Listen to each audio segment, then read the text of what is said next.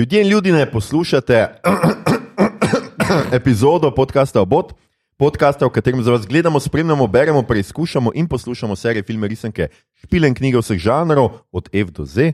Obot odmerjamo bibavico od ročnih dob. Uh, sponzor tokratnega akronima je slikarstvo Mito, slikarstvo Mito za lovce in novce. Uh, skratka, obod smo tako kot skoraj vedno, Mito Gigič, Servus. Uh, Igor Harp Jo. in moja malenkost Aljoša Harlamov, tokrat znova z gostom, s kom drugim kot s Simonom Habjanom, filozofom, ustanovnim članom festivala Meteorita. Živijo Simon, Lepo zdrav. kako si? Dobro. Kako ste letos? Letos smo trenutno malce težje, ker je nam malo zagodlo vreme. Mm. Uh, vendar, glede na to, kaj je bilo prejšnja leta, ko meteorite sploh nismo mogli izvesti v živo, smo letos zadovoljni, da saj nekaj naredimo. Da No, super. Bo ne pa- živi meteorita. Absolutno se strinjam, bo pa zato, gotovo drugo leto spet super. Ker Drugo je leto gremo na polno z vsemi, kar premoremo. Vsemi topovi. Vsemi topovi. Um, zakaj sem rekel s kom drugim? Zato, ker tole znova snemamo na jesenicah, ki je tako naša najljubša točka za snemanje v živo. Uh, smo namreč na šestem festivalu znanosti in fantastike Meteorita 2022 v živo, pred živim, čeprav še malo jutranjim občinstvom. Občinstvo, oglasite se. Jutranje tam. Ja, kot sem rekel, jutranje. Um, tema letošnje meteorite je potovanje skozi čas in zato je tudi tema današnje epizode potovanje v času, kot bi slovnično in logično pravilno to povedali. Uh, govorili bomo torej o filmih tega podžanra, predvsem znanstvene fantastike, tudi zgolj fantastike, uh, razliko, mogoče o razliki seveda pozneje. Uh, ki navadno vsebuje neko napravo, ki omogoča potovanje v času, ter se ukvarja s problemi potovanja v času. Skratka, o tem bomo večinoma govorili. Ker bomo vabili k ogledu filmov ali pa k branju, mogoče tudi se bomo trudili čim manj kvariti, a, ampak opozoriti moram seveda, da se temu ne bomo mogli posem izogniti, če bodo teme in motivi povezani s kakšnim zgodbenim razkritjem ali pa obratom, zato bodite pripravljeni, da si tu in tam zatisnete ušesa. A, to je to, to so navodila. Uh, in ker ne vemo, kdaj bomo tole epizodo predvajali, bo tudi to nekako v skladu s temo, in bo morda tudi poslušanje epizode posebno potovanje v času. Maestro, en remix komada, ki ga je navdihnil izvirni komad, ki, ga, ki se ga bodo šele domislili.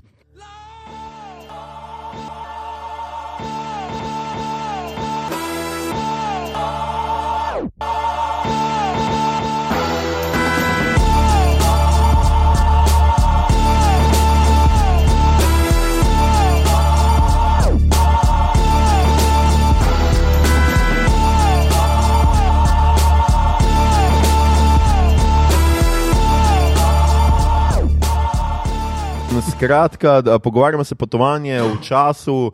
Je ena tako zanimiva tema, eh, z- kak, zakaj ste jo izbrali, Simona? Zato, ker sta bile dve leti pandemije, šle tako hitro mimo. Da...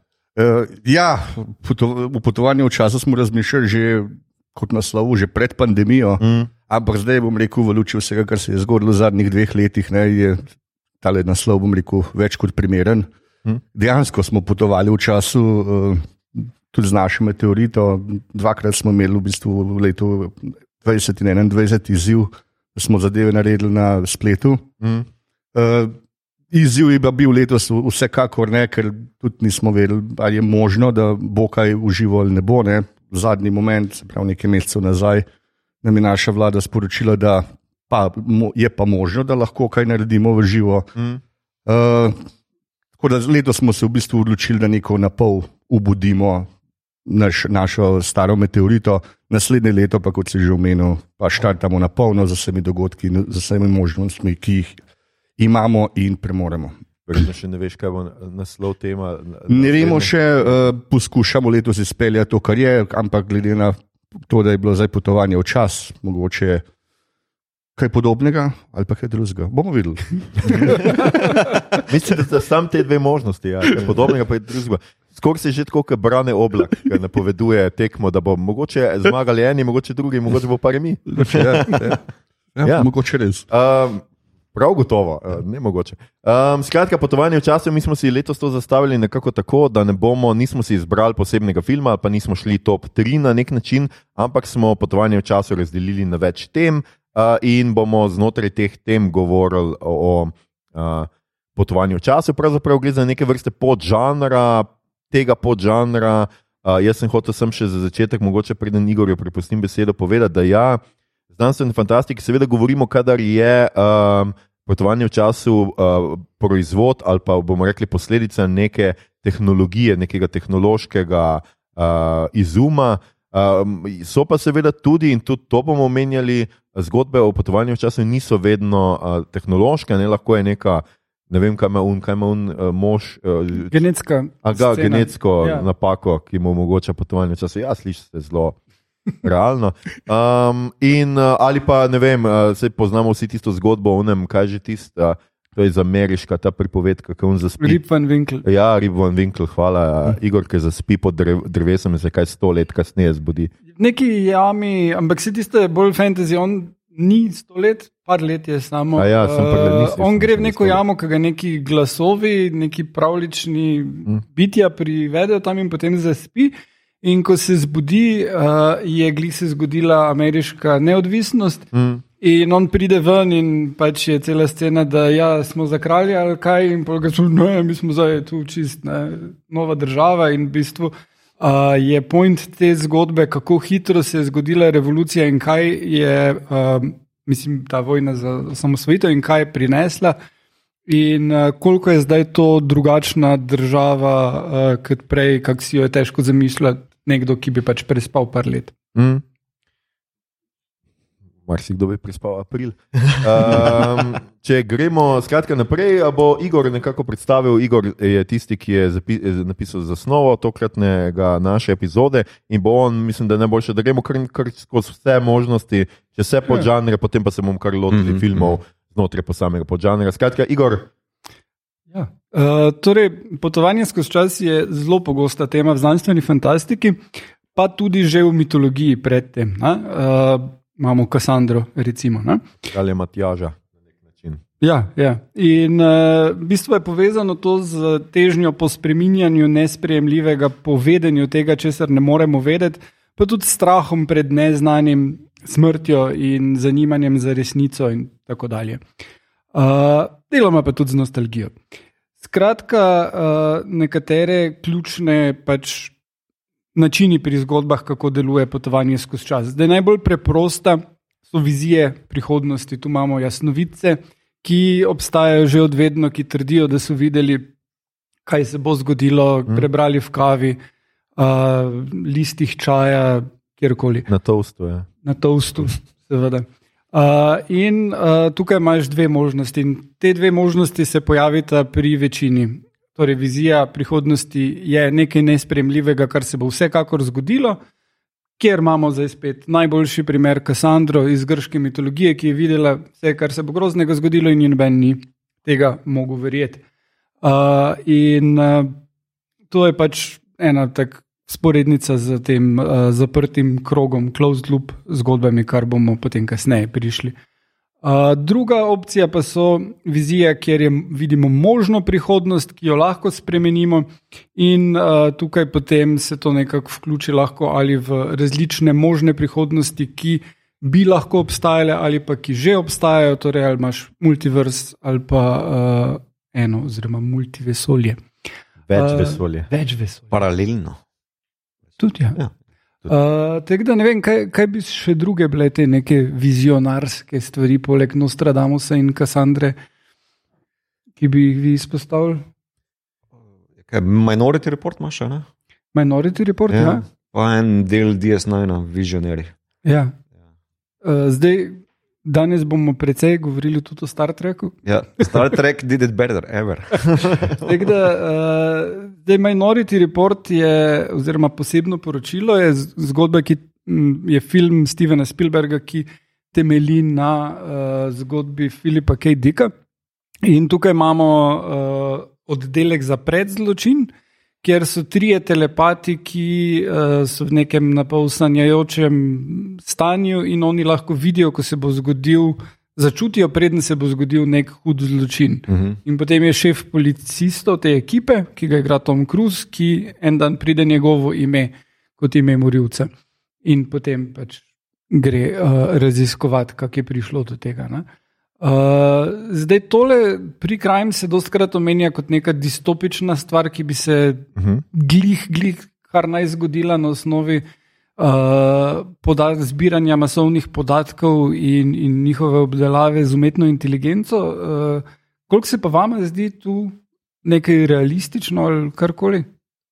Um, jaz bom, sem to rekel, da sem predvidel, da boš začel govoriti o filmih, čeprav smo se zmenili, da bomo na koncu. Ampak, uh, ampak ja, dajmo zdaj obdržati ta koncept. Uh, ja, bomo po vsak, okay. ne, ja. dajmo pol tako narediti, da po vsak predstavimo vsak podžar. Skratka, zdaj imamo najprej vizije, minority report si omenil. Uh, Kolikor jaz razumem, je dost tega že predvsej um, v uporabi, ne, skratka, zbiranje masovnih podatkov dejansko napoveduje prihodnost, recimo, borze, prihodnost marsičesa že in tudi uh, uvajajo, to, uvajajo to počasi v, um, skratka, ja, v, obnašanje, predvsem množic, uh, mm. ampak ne na način za enkrat, če pač ni legalno, ne na način, da bi tebe lahko prijeli, preden ti kar storiš, ampak moraš še vedno počakati, da ti storiš tisto in ti pač preprečiti, oziroma da začneš delati tisto, kar koli mm. pač je. In to ponovadi uporabljajo pri, um, pri ja, krotenju množic, kot sem povedal. Ne na zadnje so to letos dostkrat tudi pri slovenskih protestih, petkovih uporabljali to neko idejo, da se je pač policija odzivala na to in preprečevala nasilje množic. Kjer je bilo že dovolj, da, da, da so oni videli, da se protestniki vem, premikajo v neko določeno smer, da skratka nakazujejo nek namero, da bodo vem, skušali preprečiti preid barikado in tako naprej. To, to, to se že precej dogaja. Ja, te, ja. a, a se ti zdi, da je to res na ravni uh, prikrajma ali je to pač bulšit, ker lahko rečejo, mi bomo zdaj nasilni zato, ker nam je AI povedal, se noben ne more preveriti. Ja, ja mislim, da zdaj enkrat se pravi, ni legalno, ne? še ni to te na ravni, ampak nisem jaz povsem prepričan, da nisem jaz optimist glede družbe.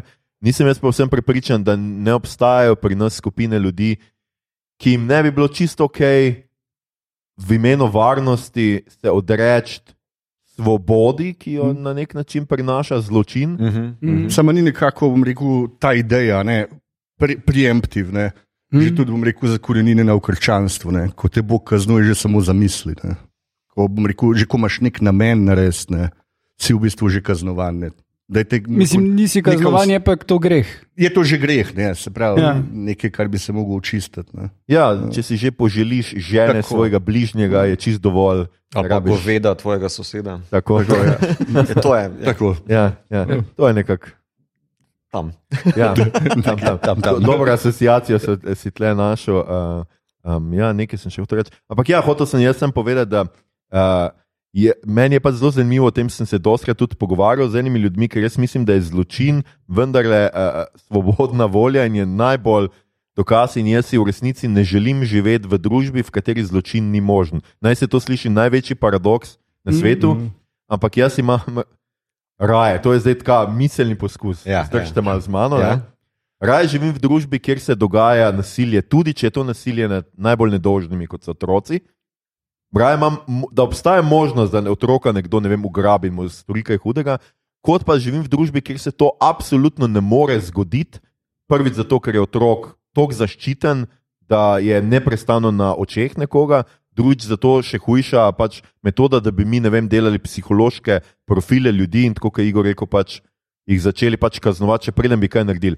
Ker dejansko bi ti lahko, vse vemo, da zdaj naj bi ta umetna inteligenca, recimo, nosečnost napovedala še preden recimo ženska sama ve, da je noseča, mm -hmm. glede na njen spremembe v njenem obnašanju uh, in tako naprej. Ne. To smo že par let poslušali te zgodbe. Se to je nekako bistvo svobodne družbe. Ja, ja, ja. Svoboda možnosti nad vsem. Ne. Tako je, ja, svoboda mm -hmm. možnosti nad vsem, tudi nad zlorabami uh, sistema. Ne. Tako kot jaz vedno rečem, pa če ne.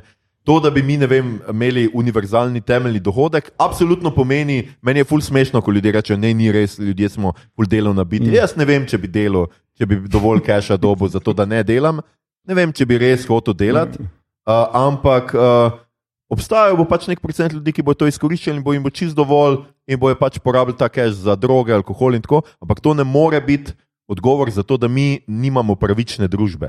Pač družba, kjer, v kateri je poskrbljeno za vsakega, tudi če je kreten, je pravična družba. Ne družba, v kateri je poskrbljeno samo za tiste, ki se obnašajo v skladu z nekimi družbenimi snepi. Vse dejansko izgovori vseh tistih, ki hočejo recimo neko zaprto družbo, je, da bom rekel na neko partikularno stvar, da jo pokažejo, da jo kazalci pogledajte, kaj pa če se zgodi ta anomalija, ki je dejansko uh -huh, lahko v večini primerov anomalična. Uh -huh. rekel, in s tem se nekako zateja tudi, bom rekel, večino, mol, mislim, tisto veliko večino, ki bi pa pridobila s tem. Ja, ja, tako je. S tem, da jaz moram absolutno povedati, da nisem pripravljen tudi na družbo, v kateri bi uh, za funkcioniranje družbe žrtvovali Toma Cruza. Moram zelo jasno povedati, da, da si želim družbo, v kateri Tom Cruise lahko ubije človeka. Lahko pa vila smita. ja.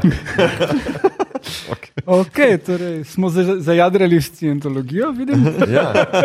Vizije prihodnosti. M moj brat Tom, pač, mi dva smo v isti cerkvi, jaz ne morem. No. In will. In will. Uh, Igor, nadaljuj, kaj je naslednja, skratka, vizije imamo. Ne, smo, ja, smo vizije. Uh, potem imamo potovanje v prihodnost, to je eno bolj redkih in uh, kar smo se že prej pogovarjali. Uh, praviloma, zato ker si je težko predstavljati neko prihodnost, ki je hkrati zanimiva, je ta zgodba v sicer v prvi time travel zgodbi, torej časovni stroj, od H.G. Wellsa, kjer uh, glavni onak uh, gre v prihodnost in tam je čist neka druga civilizacija, kjer so pod te morloki, in, ki živijo pod zemljo in mm. uh, mučijo ljudi.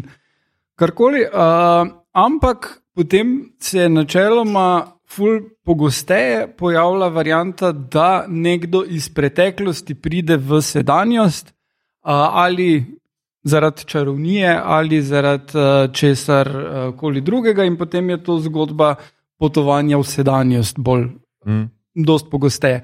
Ogromno zgodb uh, je, da pride Jack Rasparač v sedanjost, uh -huh. uh, ki v ja. bistvu iz neke, po mojem, izhaja iz neke te ideje, da če ni nihče mogel ugotoviti, kdo je Jack Rasparač, potem pa je najbrž zato, ker je v prihodnost šel. Uh, Uh, in ga, zdaj pa imamo tehnologijo, da ga lahko ustavimo. Ja, to se sliši logično. Ja, uh, na zadnji je recimo uh, odlična uh, HBO-va serija Beforeigners, prišleci, mm. uh, ki jo bom še omenil. Uh, v bistvu je prav sodi tole potovanje v sedanjost. Uh, tam je zgodba, se dogaja v uh, Oslu, uh, sedanjosti in nenadoma se v morju pojavijo taki žarki in uh, skozi te žarke padejo ljudje, ki so iz ene od treh obdobij. Torej, ali so uh, praljudje, ali so vikingi, ali pa so iz 19. stoletja in potem masovno padajo noter.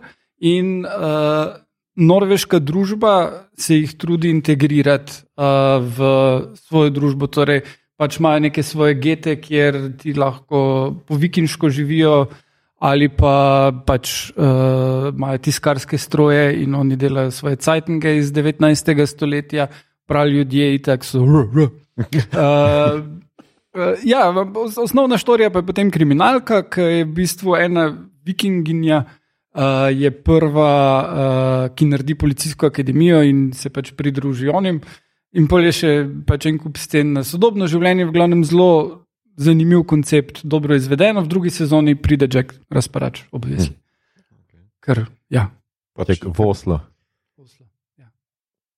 uh, ja, potovanje v času naprej je, je zelo, zelo redko. Jaz mislim, da je eden izmed razlogov tudi ta, ker uh, si mi m, prihodnost vedno navadno ne predstavljamo kot srečne prihodnosti uh, ampak si bolj predstavljamo kot distopijo. Uh Mhm. -huh. In seveda v distopiji je vedno junak nekdo, ki je najprej del te družbe. Ne znam si predstavljati zgodbe, v kateri bi ti pač. Kr... Preveč zamotano bi bilo. No? Jaz mislim, da vseeno ti moraš pokazati nekoga, ki se upre sistemu, ki je bil prej del tega sistema in gre ven. Medtem ko je bila zgodba, ki bi ti potoval v času, prišel tja in organiziral upor, mal pač plehka bolj. No? Se mi zdi, da nimaš te emocionalne navezanosti, ki ima karakter. Jaz mislim, da je bolj zaradi tega. No, no imaš še potem tudi Bill and Ted, ne, kjer ona Ja, ja, ja, dejansko ustvari ta prihodnost eh, za to svojo super glasbo. tako. Ja, je pa, se mi pa zdi, da v bistvu, kao, kljub temu, da imamo tako malo primerov, ne, da pa potovanje v prihodnost omogoča piscem, ne, predvsem, da imajo malo več svobode. a Ne, mm. -hmm. Ker tisti kontraprimer, ki v preteklosti imaš si bolj zako, um, zakoličena, ne, imaš zanke, mm -hmm. Imaš paradokse, medtem ko v prihodnost ima pa pisec, se mi zdi malo več svobode, da se lahko, vem. a, pravila. Narekovaj, kljub temu, da je malo, vsak film ima svoje pravilo, ne? še Back to the Future ima ne vem koliko pravil, uh, da se v bistvu spreminjajo. Ne? Tukaj v prihodnosti pa imaš bolj, se mi zdi, več svobode, ne? da No, spišeš saj- neki. Back to the Future je eden redkih primerov, kjer je v drugem delu pa, pač potovanje v prihodnost, mm -hmm. ne, kjer on rešuje svojo družino, Ja, uh, ki je pač čist zavozila. Um, in pač tam vidimo te legendarne stvari, ne, se pravi, čevlje, ki se sami zavežejo, ja, ja. Uh, letečo rolko, Mhm. to še vedno čakamo. Ja.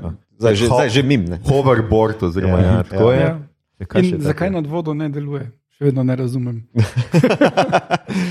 Nekaj imaš pa bolj še primer, torej Planet Opic ne, iz Ja. 68, ki pa res. In Uh, tudi pač to je Burtonov končni revil, pardon, če sem komu spoilal, ne, Ja. ja. ampak tako je. Um, uh, Ker ni zdaj čist per se potovanje v prihodnost, ali da se ukvarja s tem fenomenom, samo da pač na koncu skužiš, fakt, mi smo, ja, ja. Ja. vse smo zajebali. Burtonov je ima isto, samo da ni kip svobode, ampak uh Mhm. -huh. da na koncu pride v Washington in je na mesto Abrahama Lincolna pač tisto opičjak. Ja, ja, Uh, tam, ja. kar nima nobenega smisla. Tisti film ni dober. Mm, mm. Uh, Ja, meni je bil ok. Meni je všeč, kako so opice tam jedle z nogam. Ja, veš, tak dober, dober detajl mi je bil tisto. ja, Pa Michael Dorn špila, gledi tisto opico. ja. Okay. Pol pa še imamo Darka. Ne? Dark pa ima Tako torej je. Netflixova serija, uh, ki pa na koncu prve sezone v bistvu vidiš, da je ta časovna zanka ne potuje samo 33 let v preteklost, ampak tudi 33 let v prihodnost, kar se mm -hmm. potem še v naslednjih sezonah dodatno razčleni. ne. Um, ampak tu pa so pravila zelo rigidna, ne? v bistvu zgolj Ja. yeah. 33 let, uh, pa zaprte časovne zanke so. ne. Um, Ki pa je zelo rigiden sistem, mislim. Ja, s tem, da ustvarja neke vrste, da je to bolj zgodba alternativnega vesolja, uh Mhm. -huh. ne, ali pa alternativne zgodovine, zato ker 33 let prihodnost v 80-ih ne, je še vedno naša preteklost. Ne, Ja. v resnici. In dejansko tukaj je tudi zanimivo uh, to potovanje v prihodnost, neke vrste pač jaz mislim, da.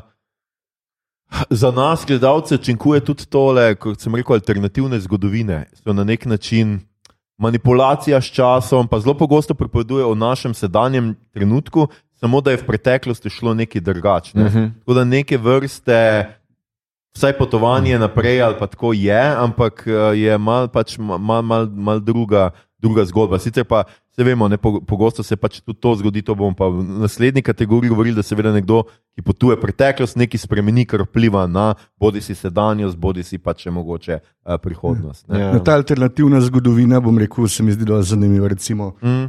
pardon.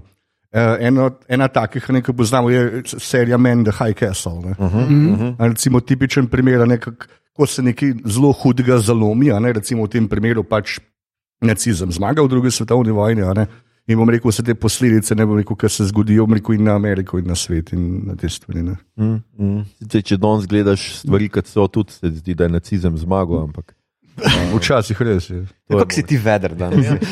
sonček sem. Ja. Prinesel sem sonček na jesenice, to je zelo lepo od mene. Uh, ja, je pa malo, se pa res strinjam, da pa res, res je malo. Kar je zanimivo, nekaj si ti mm. -hmm. rekel, da je več svobode. Mogoče, mogoče pa včasih pisci ne marajo tako svobode. Zdaj ne vem, jaz razmišljam, mogoče tu fora nekih budžetov, a veš, kako sicer imaš filme, ali pa ne vem, je fenomen mogoče tako težko za.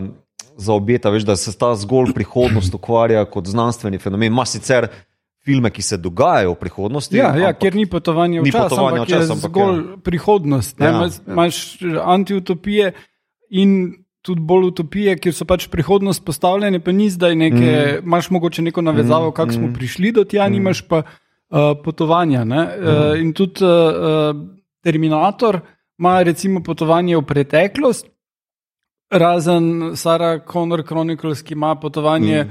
V prihodnost, Prihodnost, ja. ki je sedanjost, Ja, ki jim ja. pač omogoča, da lahko posnamejo serijo v 2008 na mesto. v- No, če lahko mogoče samo omenim eno mojih najljubših serij, ki se mi zdi, da je bila zelo po krivici, kar dosti spregledana, ker smo govorili o teh alternativnih zgodovinah. Uh, Counterpart. J.K. Simmons, ne, Aha, aha. uh, ko je, bom rekel, pač ta time loop nekako nastal in se, in se je, bom rekel, svet podvojil v Berlinu. ne. Uh -huh. Taka zelo zanimiva zadeva, bom rekel, na, na uh, vohunska. Mhm. a Ne, in bom rekel, zelo me spominja na te karejevske uh, knjige. To, je- to je bolj paralelno. Bolj paralelen svet je Ja, dejansko. ja, ja, ja. a ne. Ampak je tudi, bom rekel, v- nekako utopija, distopija, se mi zdi, bom rekel, tudi nekako malo mal hoče flirtati, bom rekel, z Ja. ja. potovanjem v prihodnost. No. Aha. Uh, Fringe ima tudi podoben Fringe tudi, ja. koncept. Ja. Fringe tudi, ja. Uh, Ja, mislim, res. Jaz edino, kar sem tako prepričljiv, uh, oziroma videl kot res prepričljiv primer tega, je Dark. Ne? Ker tisto, mm. oni potujejo še iz 2019 v 2042, ne? uh -huh. ali, ja, ali 52, nekaj tasga. Ne? Tisto je zelo, zelo en redkih primerov. No? Kar Google ima kar probleme. Pišeš noter, kao, uh, torej time travel exclusively to the future, pa ti meče samo 15 best of uh, nekih, mm. nekih, a ne? in je full malo. No, drugače imamo seveda še primer uh, slovenskega potovanja v času, oziroma uh, Miki Mustrovega stripa z Vitorepca, Ja. kjer je zelo zanimivo, res. smo večkrat videli, videli ta mem zdaj med, uh, med pandemijo, kjer z Vitorepec, Trdonjen Trdonjen Lakotnik potujejo v leto 2020. Hm. In vidijo skozi okno, da ljudje hodijo okrog s plinskimi maskami. Mhm, Mm -hmm. In so pač nekateri začeli govoriti, da seveda Miki Muster je videl prihodnost in je pač napovedal pandemijo. Slovenski Matt Groening. Ja. Tako, kar, se, kar se sliši zelo verjetno. Um, ja, skratka, potovanja naprej je malo, ampak zato je toliko velik potovanja nazaj, o katerem bomo zdaj govorili. Igor. Če, če se smem vrniti k temu Miki Mustru, spomnim se prav te, uh, tega stripa in pol ona ženska, ki pride k njim, njihov zrak zavoha in reče: Oh, kak je dober. In oni vprašajo, a je z uvoza. Ja, Ker se mi zdi tako najbolj 80 Jugoslavija Ja, ja, stvar, mm, nekaj da, je da, ja, dobrega, ja, ja. pol je z uvoza. Kofe imate, imate avstrijskega. ja, tako je. Pa lažje ga tiho tapiti. Tako da tudi to je v redu. No. Uh, skratka, Igor, zdaj pa Ja. potujemo nazaj v času, se pravi, tam je pa več dogajanja. Ja. Torej, najbolj tipičen primer, uh, oziroma najbolj slaven primer uh, potovanja v preteklost je uh, vrnitev v prihodnost. Ha. Um, prvi del, vsaj, ne, uh, kjer imamo pač, uh, pač tudi tu sta varianti, ali spremeniš ali ne spremeniš. Ne. Ali je prihodnost fiksna in to, da greš ti nazaj. Ja, Vedno je bilo tako. možno spremeniti v resnici. Ja. Ja, ja, ja. A, ali pa pač ni. Zdaj, uh, Back to the Future sodi v to, kjer se spremeni preteklost. Torej, uh, človek, ki gre nazaj, dela uh, spremembe, ki so lahko pozitivne in negativne, ali pa negativne. Ampak uh, zanimivo, v večini primerov fikcije so zelo enoznačne ali pa malenkost bolj kompleksne, nikoli niso zares kaotične. Uh -huh. Kar, uh, če malo pomisliš, recimo, da je vsaka stvar, ki bi jo lahko spremenil v lifeu, koliko stvari bi to s sabo privleklo. ne? Uh, uh, tukaj pa pač v bistvu Martin McFly gre v preteklost in potem pride, spremeni par stvari, in ko pride nazaj, ima malo boljši avto. in to je tak- Ja, nikoli ni nekaj tako katastrofalno hudega. Ne? Ja. Uh, tukaj bi jaz vrgel noter v mix uh, Quantum Leap. Ne?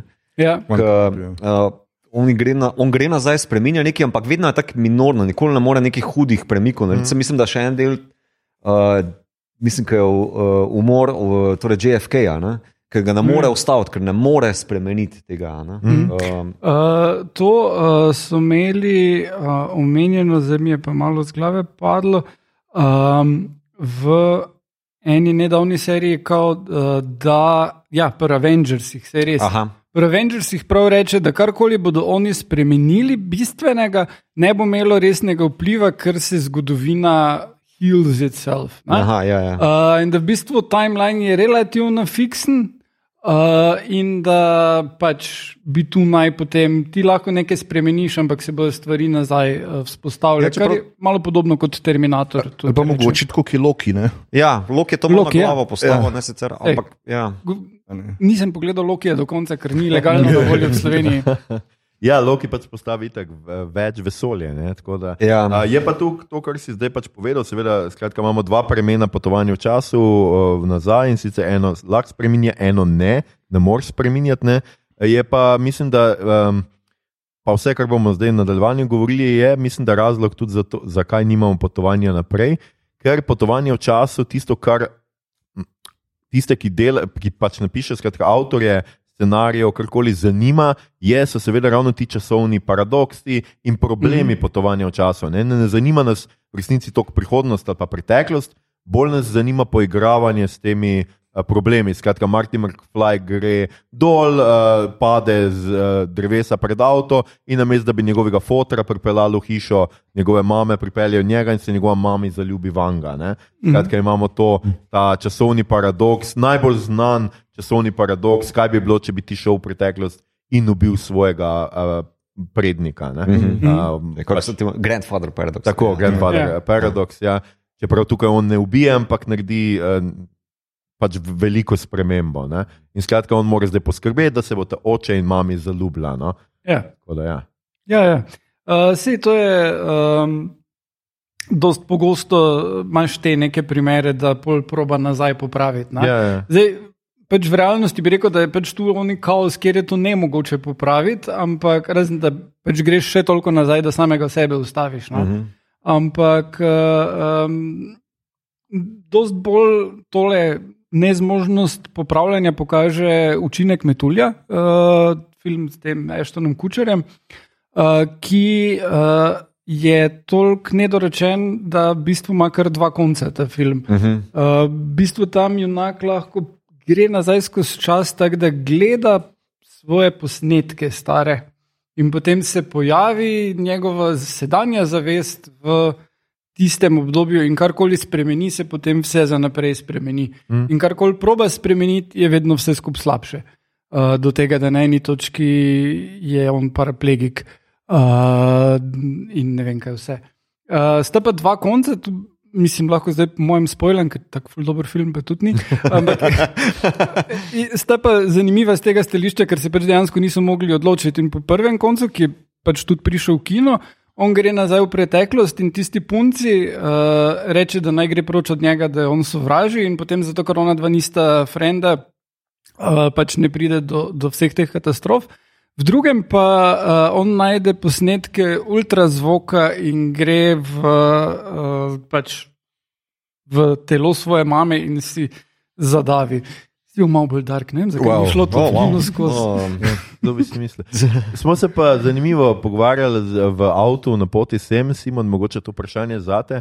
Da, da je zelo zanimivo, ne prvi, pa drugi Terminator. Uh -huh. uh, uh, tam Skratka, potujejo stroj, zlobni stroji nazaj, zato da pač ubijajo človeka, ki se bo uprl strojem ja. in ustavijo to človeško revolucijo. Da je zelo dobro vprašanje, a, a oni ne morejo ničesar spremeniti, zato ker jim to čas, časovnica, skratka, ne dopušča, ali pa uh, pomeni to, da je človeški agent tisti, ki jih seveda pri tem ustave. Ne? To je tako eno zelo dobro filozofsko vprašanje. Dobro vprašanje. Ne? Ne? Ja. Normalno je, rekel, da si ljudje predstavljamo, da imamo moč, da lahko sami spremenjamo stvari. To je, bom rekel, konec konca ena izmed glavnih mm. idej, bom rekel, ali pa glavnih vodil človeka samega takega. Ne, ne želimo nekega hudega determinizma. Ne. Po drugi strani pa, kaj pa vem, pismo. Ne, ali, bi, ali bi lahko rekel, da so nekateri dogodki, bom rekel, toliko pomembni, oziroma bom rekel, toliko zasidani v to tkanino časa, ne, da so, bom rekel, nespremljivi. Ne. Mm -hmm težko. Jaz, težko bi rekel, da zase, jaz, jaz sem, kako ne bo rekel, nek mehki determinist. Ne. Nisem, nisem, nisem trdi determinist. Ne. Verjamem, da nekatere stvari, bom rekel, so v neki tkanini časa možne, ker so zasidrane, ampak je pa tvoja možnost, rekel, po, po, po katerih uvinkih tja prid. Uh mhm. -huh. Recimo. Uh mhm. -huh. Uh, ampak ja, normalno, ne? kot ljudje pa seveda rekel, hočemo imeti možnost, rekel, da vse lahko spremenimo, oziroma konec koncev verjamemo, da lahko spremenimo lastno in mogoče še celo tujo prihodnost. Ja, ampak veš, v Terminatorju je v bistvu vse opisano, notor se tudi ena dilema v T2, ne? Ja. torej dilema Sara Connor. Se tam le eh, obupuje na tem, pa urezuje no fate, ne, da nimam mm -hmm. izbire, nimam niti usode, sploh mm -hmm pa skuša to spremeniti, ampak dejansko pade v to zanko. Da, uh, in tudi na, na, rekel, v ostalih terminatorjih naprej se vedno pokaže, rekel, da te jedrske vojne neizbežno vedno pride. Ja, ne. Ja. ne gre na to, kaj počneš, neizbežno ja, pride. Ja. Ne. Ker to Prav, je tisti fakt, konc. Ne, to je pač. To. Ta časovnica, bom rekel, to se pač mora zgoditi, mm -hmm. zgoditi zaradi določenih stvari, mm -hmm. gre zgodovina mm -hmm. človeška. Ja, ja, ker je, je, za, je zaklenjena zanka, ja. vse v prvih dveh, no. mm -hmm. uh, je čist fiksna. Ne. Um, ja, Star Trek ima tukaj, ima parad, ne paradoks, ima v bistvu se z tega loti v onem delu, ki je že kozen efekt. Mm -hmm. V TNG-ju um, kjer v bistvu oni ob pokru kužijo, z- zaštekajo, da se v bistvu neki državu dogaja, da se jim ponavlja. Sicer je tukaj tako zelo na izi, ker v bistvu Krašerjeva začne slišati neke glasove, ki so glasovi uh, ljudi na Enterpriseu in smo Njih smo- so bili že mrtvi. Ja, bistvu, mi smo v zanki ja. Ja. uh, in moramo to prebiti, ko Ja. pa data nekako v bistvu dobi message preko nekega didgeridoo, whatever, ne. Ja, Uh, tekno Babel vstaviti le noter in, in se pol rešijo te zanke. Ne. Uh, no, zanke imamo kasneje. Še. Ja, ampak hoče Ja. ja. govoriti tukaj. Ta tema determinizma, ne, koliko lahko mm -hmm. nekaj spremeniš, oni zmorejo to. Uh, mm -hmm. Máš pa potem druge primere, mislim, da je še en, uh, meni zelo ljub, je uh, DS9 uh, Past Tense, uh, ki sicer potujejo nazaj, v Ongeto v 21. stoletju, uh, tu parter zelo zanimiv. Uh, pa v bistvu George Bell, ki bi naj v bistvu vodil upor tega geta, da se potem končno svet premakne z neke točke revščine in lakote v neko boljšo prihodnost, umre, skoraj da uh, Mhm. zelo na začetku in Ja, mora Sisko tako je. potem prevzeti to isto vlogo, da se zgodovina Aha. ohrani. Ne? V bistvu on ustvari zanko. Ne? Ja. Um, Uh, spomnil sem se še ene zelo dobrega paradoksa iz uh, Štoparskega vodnika po galaksiji, kjer mislim, da je nek pesnik, ki je najboljše pesmi pisal, ampak jih je pisal na, list, uh, na liste iz dreves. In potem uh, jih si, jim zdi v prihodnosti, da če bi on lahko uh, imel vsaj edix, da bi kaj popravil, da bi te pesmi bile še boljše, uh -huh. in mu dajo edix, in uh, on uh, potem patentira edix in ne napiše nobene pesmi. Ja, ja. okay. Taki so pesniki, zvite lisice. No, pa Uh, seveda moramo omeniti ne, enega najboljših filmov vseh časov iz leta 94, Time Cop. Time Cop. Tako, ja. Jean-Claude Van Damme, če že ne zaradi drugega, ne, zaradi njegove slovite raznoške, bom rekel, Ja, ja, na na kuhinjski kuhinjskem policiji, ne, seveda je bil ravno v spodnicah, tako, tako da je najboljši. Mislim, v kavbojkah ful teže. to Ja, definitivno. Za me osebno je eden najboljših uh, scen ever. Ne. Ja. Torej, razkorakal. Razkorak, ja, okay, ja, Ja. okay, Skratka, tam je časovna policija, ki seveda preprečuje ravno to neke časovne zločine, spreminjanje. Ja. Ja. Šel človek nazaj, Ja, ja, pa tako. spremenil zase, Ja. ja. seveda pravilno. Ja, to ima. To ima Tisti ja. Ja. film, pa je meni se vedno zdelo, da tak, okay, se razume, da je akcijski film z Johnom Klodom Van Damme, ampak on je precej neumen. Pul je tako jasno, takoj, v dveh minutah, kdo je tu zlobnež, on vsem raznjemu. Mm, mm. No, jaz imam v bistvu itak, uh, bom bolj ali manj ta podcast imel uh, pod, kako naj rečem, pod oddajo, uh, Star Trek Did It Better. ne. Um, ker v Voyageru imaš tudi, tudi v DS9 se že pojavijo policaji, ki skrbijo za Timeline. timeline, da se v bistvu to ne zjebe. a Ne? Um, to so v bistvu, po mojem, pisci mogli začeti na neki točki delati, zato ker kao TNG ne vem koliko laufo, to pa v DS9. V Voyagerju, Enterpriseu, Enterprise ima v bistvu celo drugo, prvo mm. sezono, uh, Temporal Cold War v ozadju. Uh, ja, in tam so že policaji, tam je nek uh, Ensign Daniels, ki je iz uh, 30. stoletja, ki hodi nazaj po Archerju, svetuje, da to moraš poštimati Aha. na ta način. Uh, tako da tudi Star Trek je v bistvu začel na en um, uh, torej scenarističen način uveljavljati to policijo noter, kot prosim, ne tega preveč. To je ena najbolj fascinantnih stvari na koncu. ne. Kjer je, naj, recimo, Loki je tudi briljantno Ja, ja. ja, ja. naredil, kjer je na koncu najvišja inštanca ves- vesolja, ne? Ja. birokracija. Ja, Ja. ja, ja. Birokracija je tista, ki povozi Ja, vso ja, duhovnost. ja, ja, ja. Vse bom rekel, determinizem, karkoli. Mm, Birokracija je tista, ki jo tup, tup, Ja, ja, ja. ja. naredimo. Ne, je. Tudi en del Voyager je, mislim, da je naslov Relativity, uh, ki more uh, Seven of Nine v bistvu laufati nazaj, da se v bistvu uh, da reši Voyager pred uničenjem. Mm. Uh, no, na koncu tistega dela en oficir, potem uh, Jane Wave, ki na koncu pomaga neki reče.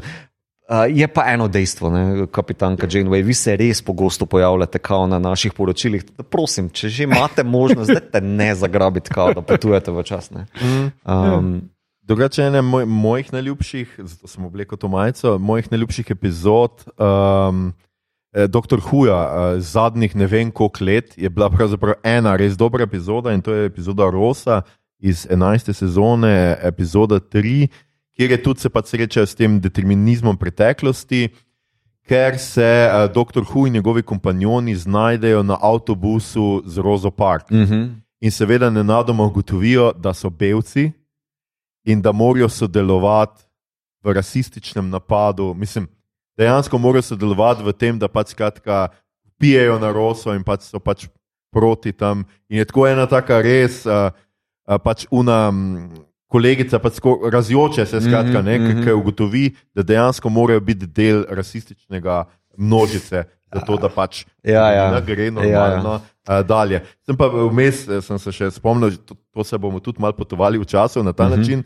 Seveda, potovanje naprej je tudi Demolition Man, malo smo mogoče pozabili, Ja, da ja, ga ja. zamrznejo in on pride. Mhm. Tam je uh, družba prihodnosti, ki je tudi zelo grozna, ker ne seksajo več fizično. Ja, ja. To se meni vedno zdelo zelo, zelo grozno. Ampak, ravno ravno zadnjič sem bral en članek, kako je Demolition Man dejansko pravilno napovedal današnjo, uh, to bom rekel, družbo, sploh ameriško. Ne, recimo, mm -hmm. Koliko stvari ne smemo reči, kako stvari lahko rečemo. Ne, rekel, vse je ta septično, ne, oziroma Ja. ja. tu je septično. Ne. Mm.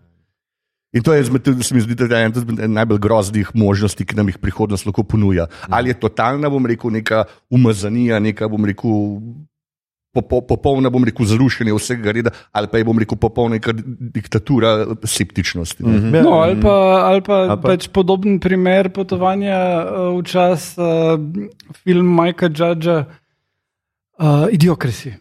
Aha, ja, Ja, ja. Ja. tudi. Ja. Mm. Sicer menim, da bi Terry Cruz bil dober predsednik. On igra na predsednik. Boljši od večine, ki so jih imeli američani v zadnjem času, ampak ja. Ja, pa ker smo omenjali determinizem in smo imeli prej vizije, seveda smo pozabili na Deus, uh, po katerem Ja. ja. smo delali epizodo, kjer imamo tudi točno to. Tukaj je pač računalnik, ni jasnovidec, ampak je računalnik izračunal vse mm -hmm. in pokaže vse preteklost, uh, prihodnost tako naredi simulacijo. In tudi tam, pač, ker je Garland, ne, uh, skratka, se ukvarjamo točno s tem, da se ne da kao spremeniti, čeprav na koncu neki se. Ne, Ja, ja. skratka, um, to je tisto, kar je pri potovanju v preteklost meni pač najbolj fascinantno. Um, to, kar je Simon prej načel, je namreč ta ideja, pa kar si mi to ti nekako že nakazal, da uh, se seveda ljudje ukvarjamo s tem, kakšen vpliv imamo v resnici na potek zgodovine, ali lahko karkoli spremenimo. Ne? Ker meni se zdi v resnici uh, Back to the Future s tem zelo realističen. Ker veš to, da ti nekaj spremeniš v svoji osebni zgodbi, a ti res misliš, da če bi ne vem, ti svoji mami nekaj naredil, da bi zaradi tega prišel nazaj, pa je bila Slovenija zdaj ne vem, imela eko eh, komuno ali ne vem kaj. Ti lahko v resnici v svojem življenju spremeniš res tako zelo malo, malo stvari. E, Kot to je- posameznik. To je zelo nar nar narcisistično, bodimo pošteni. Ja, ja.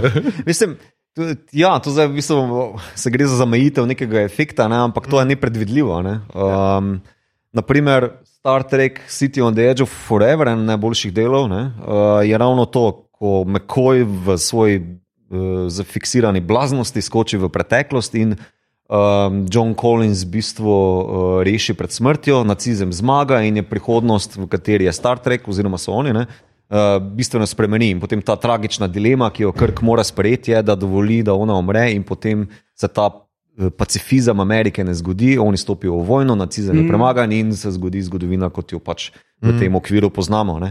Um, Tako da on ima isto dilemo, ali bo res takšna sprememba, ne? a bo res, uh, če ohranim, če, če jo rešim, ne? zato ker pač Krk je zaljubljen, ne? um, kot pač skoraj v vsakem delu. ne. Tako, vedno je. Um, Ja. A to pripomore k čemu ali ne. ne? In v bistvu, ja, ne moreš predvideti tega efekta. Ne? Mogoče bi, a veš, v tem primeru bom rekel, bi pa rekel, da je ravno obratno res. Ne? Da je velik, da mogoče velik svetovni dogodek pa spremeni posameznika. Ne, mm -hmm. ne obratno. Mm -hmm. Da se mi to zdi, bom rekel, da je bolj tisto, ki je bolj deterministično. Ja, no, lahko, vse, ne. vse gotovo, mislim, mi kot zdaj neki normalni, vsakdanji pač posamezniki, mm. nimamo. Definitivno pa so v zgodovini osebe in mm -hmm. dogodki, kjer se je zgodovina prelomila in kjer je bila zgodovina dejansko šla v dve smeri. To absolutno verjamem, sem pa če mislim, da naša zasebna življenja niso to.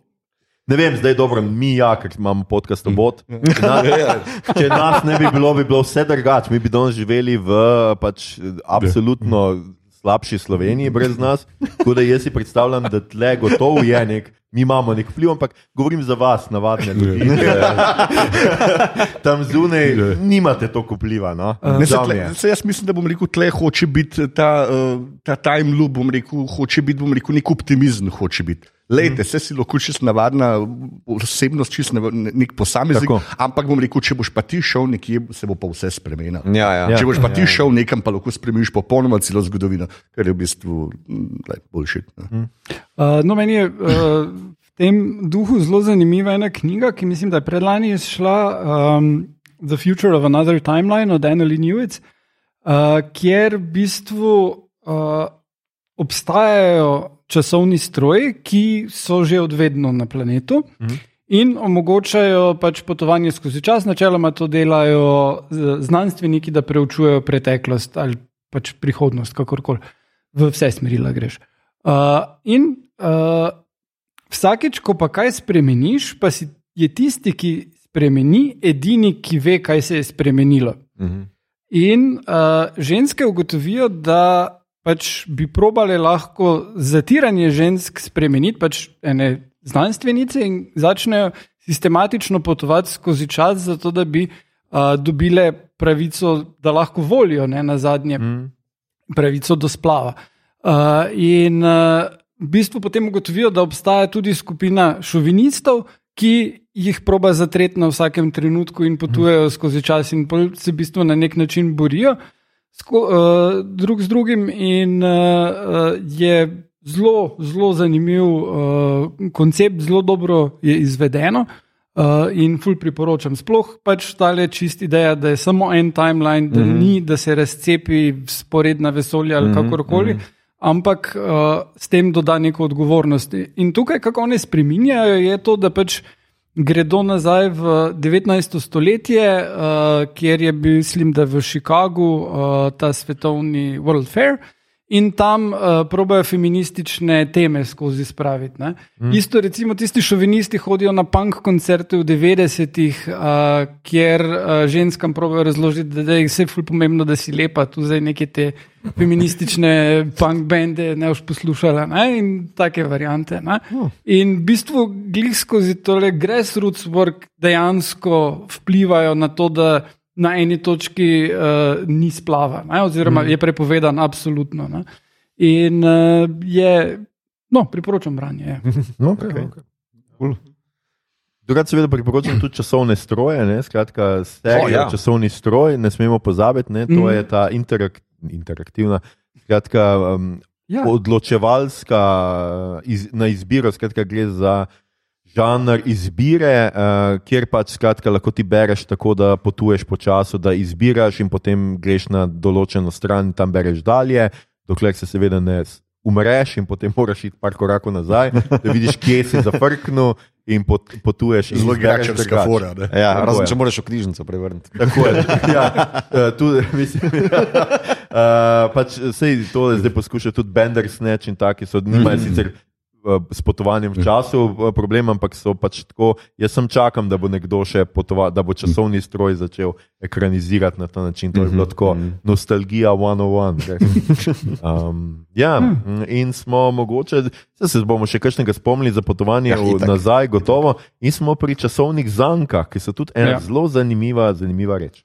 Uh, zdaj, tukaj je najbolj znana knjiga, uh, ki žal ni prevedena v slovenščino uh, By His Own Bootstraps od Roberta Heinleina, kjer v bistvu glavnemu junaku različni ljudje pomagajo tekom zgodbe, da mu uspe pač narediti vse, kar hoče, in potem ugotovi, da je to v bistvu on kasneje potoval nazaj skozi čas uh, in se srečeval in si pomagal. In uh, by his own bootstraps ta fraza pomeni, da uh, sam sebe zdigneš gor in dobesedno uh mhm. -huh. ob pomoči več instant samega sebe to naredi. Um, tukaj v bistvu um, je cel kup knjig, zgodb, uh, žena popotnika v času je tudi uh, recimo knjiga. Film in zdaj še serija, ki uh, tudi ima ta sistem, tam pa gre za to, da glavni junak zaradi genske napake nenadoma izgine in gre, se pojavi v nekem drugem času, in zaradi tega pač uh, to vpliva na, na, svoj, na njegov life. On srečuje kot odrasel človek svojo bodočo ženo, ki je 8 let stara, pa pač malo henga z njo, pa je reče, se se bo še mhm, videla. Mm -hmm. uh, in v glavnem gre pa za njeno perspektivo, ona je glavna junakinja, ki nikoli ne ve, kam je šel, kdaj je šel, kak, kaj bo to vplivalo na to. In uh, vse v filmski verziji potem tudi izkoristi, ker on na eni točki se odloči, da on ne bi imel otrok in uh, gre na pač poseg vazektomijo. Uh, potem pa mlajša verzija njega upade k njej v hišo in ona hitro, aha, in pa ima ta otroka. uh, no, in pač ima zelo take uh, zanimive um, prijeme, je pa tudi zanimivo z tega stališča, ker gre za romanco. Osnovni žanr ni ZF in tudi ne razlaga, kako je do tega prišlo ali Ja. karkoli. Pač ti paradoksi vsi so, ampak v glavnem pa je njena perspektiva, kako je pač čustveno za njo vse drugače, ker je on time traveler. Ja, drugače imamo pa, pač tle imamo tudi malo te, to so zanke, oziroma neki paradoksi, imamo pa tudi dobesedne zanke, kjer pa gre za neko ponavljanje enih in istih stvari, kjer mora ponavadi junak pogruntati eno točno določeno spremembo, da razbije. Ja, ali pa zaporedje. Ja. Ja, ali pa zaporedje večjih Ja, skratka, mm, ja, ja. uh, dogodkov. Tle, zadnje leta mene še kar navdušil Palm Springs, je bil kar urejen. Mhm. Uh, tako, ja. Ja, Groundhog Day, potem prej sem že omenil Star Trek Kozen efekt, ki je glih to rešitev tega pa problema. Izvorna koda. Mhm. Ja, Skot, tako. Edge Ja. of Tomorrow. Edge of Ja. Tomorrow, itak. Ja. Ja. Moro, ker on umira skozi Tom. Cruise. Ja. Mm. Oziroma izvirni roman, na katerem temelji, ki ima ful dober naslov All You Need Is Kill. Pa je japonski. Um, Okay. Ja, je zvenel japonski. Um, tako da to pa čak še. še Russian Doll. Ja, A, tam, pa Russian Doll, ja. tam pa doskrat te- težko, ravno pri teh težko rečemo, da je to znanstvena fantastika, nekaj ponavadi ni rešitev, ne rešitev, ne zaplet, ni odvisen od znanosti ali pa tehnologije. Čeprav pri Palm Springs je. Pri ne. Palm Springsu je, Ja, pri Palm tam- Springsu je zelo genialno, da v bistvu potem on ne ve, kaj je razlog in mu je že zdavnaj vse eno, ona pa potem gre. Uh, porabi svoje dneve za to, da naštudira fiziko in ugotovi, kje je fizikalni razlog in kako to s fiziko rešiti, in s pomočjo še ene koze. No. Seveda, ker kdaj pa fizika ni vključevala koz. Ja. Ja, Ja. ja. Ja, no, pa smo prtene tudi. Ne. Ja, Ja. Mhm, mhm. In pa pri tenetu, ja, kjer Ja. grejo Ja. stvari nazaj, dobesedno in uh, Naprej. metaforično. Metaforično, in naprej, in vse smeri. In, ja. Eni In če, in, če, ga, in če razumeš ta film, nisi pravi Nolanov fan. Ja, absolutno Nolan noče, da ga razumeš, in tudi se zelo potrudi, da malo zakrije stvari. Uh, v, tako kot reče v Dr. Huju, timey, wimey, wobbly, wibbly wobbly ali nekaj takega. Skratka, oziroma tehnobabel, kot smo se naučili iz, iz, iz, Star Treka. Ja, tle. Meni je sicer tako, ta, mislim, da je ta ideja, če seveda časovnega, časovne zanke na ta način zaprte, uh, zelo povezana s, z nekim strahom pred rutino. ne. Skratka, nas je strah, da se nam res ne dogaja to, da vsak dan pač se zbudimo, gremo v službo, pridemo nazaj, pojemo nekaj, gremo spat in drug dan isto. Mislim, da je to neka izvirni strah tega, te eh, časovne uh, zanke, ki se včasih meni mogoče res kdaj zdi, da ma, nisem, kaj sem pa včeraj počel, ja isto. A jedel sem tudi isto. No, kot, kot, kot homaž Brunutu, ne, moramo tudi luparje omeniti. Tako, ne. ja, Ja. ja. Ja, nujno, ne, ker eh, če že ne drugega, rekel, se mi zdi. eh, Če, če sem si najbolj kaj zapomnil od tega filma, bom rekel, je uh, obrazna mimika Josefa Gordona Lewita. ne.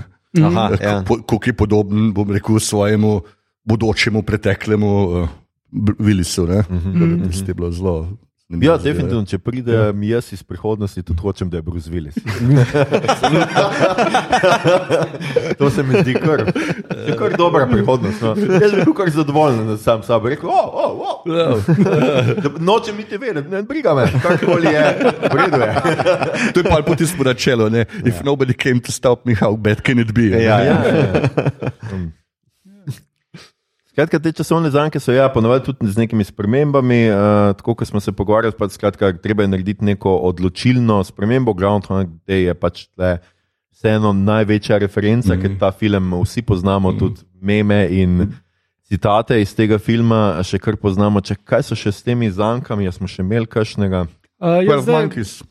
Niti ni 12 Monkeys je zaprt lup. Zaprt lup ni. Zaprt lup je, uh, ja, ja, ja. ja. Ja. Eden. Pač predeterminirana uh, zgodovina. Ne? Ja. Ja. Uh, Happy Death Day, pa Happy Death Day 2. Tako, tako. Uh, je podobna varianta, ki je pa slasher. In v bistvu glavna uh -huh. junakinja umre uh, na svoj rojstni dan, in potem se zjutraj zbudi in je spet njen rojstni dan, mora ugotoviti, kako ustaviti morilca, ker je prepričana, da bo s tem uh, ustavila tale lup. In na koncu prvega filma odkrije, kdo je morilec, in potem je drug film, kjer se je pač spet zbudila, zato ker actually ni bil samo ta morilec, ampak je znanstveni eksperiment, ki ga delajo v fizikalnem laboratoriju. Mm -hmm. In potem moraš še naštudirati fiziko, da, uh, podobno kot v Palm Springsu, mm -hmm. ker mi je bilo hecno, ker ta film ste prišli tako par mesecev na razen ven. Mm -hmm.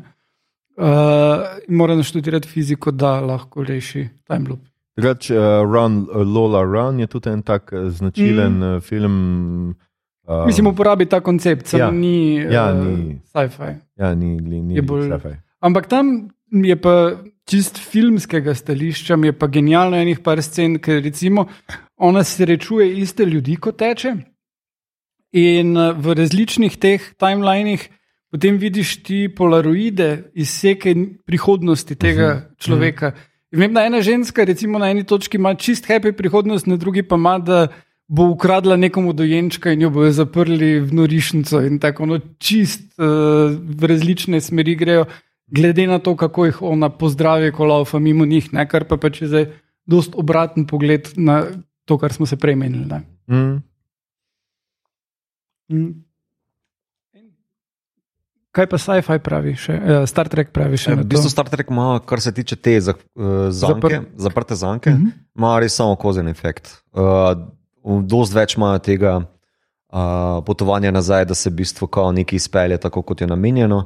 Ena še je torej, uh, tudi Times Square, kjer se nov uh, Picard iz prihodnosti, z neke luknje pojavi in sta dva Picarda, in na koncu mora Picard. sedajni Picard prejšnjega ubiti, zato da se prekine zanka. Mm. Uh, to je še ena, ampak ni, ni toliko na zanku, ne eno, ker samo eno zanko vidiš. Ne? Ni, tega, ja. ni te repetitivnosti, tako da niti ne veš, če se je to fu ponavljalo. No, pa lepo še tisto, ko potuje v preteklost, da kita prepeljejo nazaj. Ja, ampak tudi tud ni zanka. Ni, ne, ne tisto je pač potovanje ja, nazaj. Um, ja, ja. ja. Ampak Tam so me pri vesolskem kitu malo zgubili, moram reči. Veš, to bi se lahko vprašal, preko smo se pogovarjali, kakšne posledice lahko ima to za prihodnost. Uh, a dva kita res toliko pomenta. Ja. ja. A bi se ful poznal, če jih ukradeš v 80-ih, pa pelješ v nekaj se zgodi. Ne? Ne. Ja, ja, ja. Um, Ena islandska družina umre od lakote, ali pa japonska. Možno, ja, norveška. Ja, norveška. Um, ali pa se spremenil pač petunije. Ja. Ali pa to, ali, ali pa mm. to, ja. Tudi, ja. tudi to je zelo je, značilno za kite. Je pa Star Trek 4 v bistvu zelo pomemben, sploh za popularizacijo um, kitov. Ne, time travel. ja, time travel. Zelo reševanje kitov. Mm, ja. Tudi sicer, ja. tudi, se to je Nimojev, uh, uh, Leonard Nimoj, ki ga je režiral, uh, je bil njegov koncept, da želi imeti to eko temo, eko message. Uh, ne, hotel sem povedati, bistvo, kar se tiče popularizacije, blockbusterska popularizacija uh, time travela, mm. uh, ker film je prišel ven leta 84 in sem prav natančno pogledal, če se krega z Terminatorjem 1. Mm. Uh, ampak Terminator 1 je prišel januarja v Združi, uh, Združenem kraljestvu, najprej ven, ampak uh, Star Trek 4 pa novembra v Združenih državah Amerike. Ne? Tako da bi bil en prvih večjih, vse ki jih jaz spomnim, ne? da je imel ja, tale time koncept. Dost bolj um, populariziran. No. Uh, tako da je for Star Trek. Uh, po mojem je bil, če se mogoče spomniti tega filma, ki je igral Matt Damon, Adjustment Bureau. Ja. Mm. ja, je bil tudi, bom rekel, te možne prihodnosti. Ne? Ja, ti ste spet Filip K. Dick. Filip K. Dick. Ja. Uh, za, za osnovo in. Uh, ja, zelo, tudi romantic, bolj ja. romantičen. Romantičen film, ja, ja. ampak ja. ja. Ja, ampak zopet bi se mogel, da se vrniti na Dark, ker ta mm -hmm. zanka je pa ni sicer repetitivna, ampak če pa gledaš to v smislu, kako se zanke ponavljajo, pa uh, podvajajo v bistvu na tej časovnici, pa v bistvu zelo unikaten koncept. Mm. Sicer yeah. bomo kasneje, mogoče še pri fiziki, kakšno omenili. Um, V bistvu Star Trek ima ful nekih zelo originalnih konceptov, kar se mm -hmm. tega tiče. Ker večinoma je pa res to, kar smo se mi zdaj pogovarjali, je pač to zgolj potovanje nazaj v preteklost, pa spremeniti nek dogodek, da se alo hrani ali pa nekaj. Mm -hmm. Uh, ne, Dark je pa v bistvu zatlele, glih nekako vmes, mi zdi. Vsi skušajo nekaj narediti, ampak kot pač zdaj ne vem, tisti, ki ste gledali na koncu, ta starejši Jonas, pa neki vmesni Jonas, v bistvu glih to kregata, a je sploh kaj možno, ker vse je tako zaklinjeno. In tako meni je Dark, um, kako sem že enkrat v našem podkastu omenil, meni je to žajfenca na kvadrat z, z time travelom. Ja, ja. ja. ja. ja. Čeprav je eden takih filmov pač ravno spomnil se, da je Ethan Hawke predestinacija. Ne? Uh -huh. Je pa res tisti zaprti time loop, ki karkoli naredi, bo rekel, se pojavi sam v svoji osebi in vpliva sam na sebe. Ja, Je pa res tako hudo, bom rekel, zakompliciran, pa bom rekel, na nekem nivoju, da bom rekel, tako hudo osvobojoča. Uh, Usvobojoč film za vse, ki verjamejo v determinizem. ja, ja. To tudi, evo, viš, to je tudi en uh, koncept, mislim, da ga. Ko potuješ nazaj, ampak se inštaliraš v svoj prejšnji jaz. Ne? Aha, ja. A, ja, ja, ja, ja. Mislim, da X-Men je Days of Future Past, Tako. uh, Ja. ko Ja. Wolverine potuje v svoj starejši jaz in skuša pač popraviti prihodnost. Ne? Pa, a je bil čak je še en Star Trek, mislim, da bi lahko bil tukaj. Zig se ga bom kasneje spomnil. Ja, gre za za neko psihološko regresijo, v resnici, Ja, no, na, ja. na nek način. Ne?